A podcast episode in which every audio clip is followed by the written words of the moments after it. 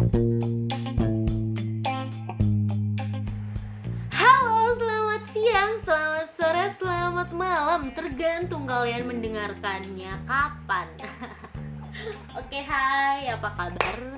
Eh, Bincang-bincang lagi yuk. Nah, sekarang segmennya tentang males Karena aku tuh lagi males banget sekarang tuh. Sumpah aku tuh pemales banget gitu loh guys.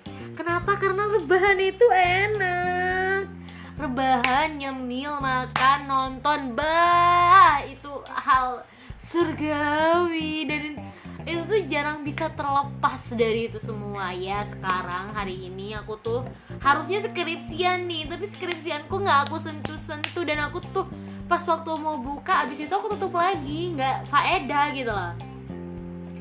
Aku tuh pengen bahas tentang males. Menurut kalian males itu apa sih males itu gimana sih? Males itu seperti apa sih? Versi kalian gimana? Males males. Sumpah aku tuh males banget ngedit. Aku tuh males banget masak. Aku tuh males banget bersih bersih aku tuh males banget skripsian. Males banget semuanya. Bahkan ngedit pun juga aku males. Makanya aku ketemu sama ini tuh kayak cinta pandangan pertama cila. Hai. nah hmm, itu aja sih sebenarnya. Aku tuh pengen tahu versi kalian tuh gimana tentang malas karena aku males banget. Dosa nggak sih males itu? Ya allah. Udah gitu aja. Iya sesimpel itu. Jadi jawab dong ya jawab siapa pun apa sih males versimu tuh? Pengen tahu akunya tuh. Ya mungkin bisa nih yang segmen males ini bisa keterusan gitu loh ya kan? Oke bye bye goodbye. See you. Dah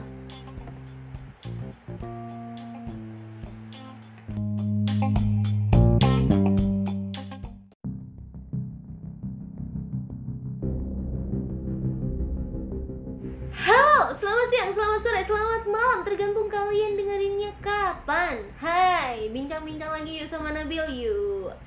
Oke, sekarang tuh pengen bincangnya tentang apa nih Bil? Mewek-mewek lagi nggak? Enggak, enggak, enggak, enggak Sekarang yang aku pengen bincangin tentang Barusan nih aku baru denger ceramah. Ya dari Youtube. Eh, Di sana tuh dijelasin. Jujurnya, aku tuh akhir-akhir ini tuh males karena aku tuh malu gitu loh. Aku malu pegang Al-Quran aku malu apa lama-lama di sajadah. Itu sungguh kayak enggak aku tuh pendosa gitu. Dan aku tuh paling berdosa di dunia ini tuh paling berdosa. Cila. Dan aku ngerasa kayak nggak pantas aja gitu loh aku berada lama-lama di sajadah Terus aku dengerin nih satu ceramah. Di dalam ceramah itu dikatakan, maka jika kamu merasa kamu paling berdosa, maka datanglah sebagai pendosa, karena Tuhan akan sangat menerima. Apalagi saat kau merasa kau adalah pendosa. Ya. Terus di situ juga dikatakan, jika kau rindu, maka katakanlah lebih daripada Dilan gak sih? lebih seru gitu. Jika kau rindu maka katakanlah Ia akan menjawab dengan syair yang sangat indah. Di dalam hatimu ketukkanlah Ya Robi. Maka langsung nyambung Tanpa ada yang namanya Putus tik tik tik. Apalagi kalau pakai yang gratisan gitu katanya. Ya bener sih Well, sekarang kita curhat lagi nih. Ada nggak sih orang yang nggak pernah ngerasa dosa? Ada nggak sih orang yang ngerasa hidupnya lempeng-lempeng aja paling baik sedunia?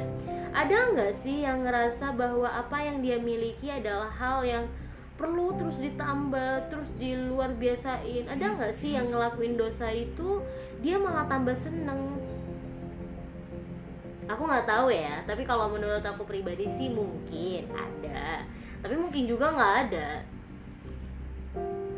aku cuma pengen nyampain di sini dari ceramah yang tadi hey kamu kamu yang saat ini merasa bahwa diri kamu adalah orang yang paling berdosa, maka datanglah pada Sang Robi karena ia akan memberikan elusan yang sangat manja. Asik. Hei, kamu. Kamu yang saat ini sedang berjuang dan letih maka datanglah pada sang Robi mengadu bahwa masalahmu begitu menyayat hati dan akan diberikan sebuah nikmat yang tak terduga. Hei kamu, kamu yang sekarang lagi malas untuk memberikan yang terbaik karena kau pernah dikecewakan. Maka datanglah kepada sang Robi karena ia akan memberikan yang terbaik. Walau air mata terus menetes dari kedua bola matamu. Ia akan terus memberikan yang terbaik untukmu. Tak apa jika kau berdosa, tak apa jika kau banyak masalah, tak apa jika kau bukan orang kaya. Karena Sang Robi tak mementingkan kaya atau miskinnya dirimu. Dihina, dicaci, dimaki. Ingat, yang menentukan adalah dirimu sendiri yang mampu memberikan adalah dirimu sendiri, lalu kenapa kau harus marah? Saat kau dicaci, maka bersyukurlah, karena saat itu kau memiliki kesempatan untuk berdoa lebih dibandingkan yang lainnya. Saat kau marah, maka bersyukurlah, karena ternyata kau masih menjadi manusia. Kau memiliki emosi yang tidak dimiliki para malaikat Tuhan.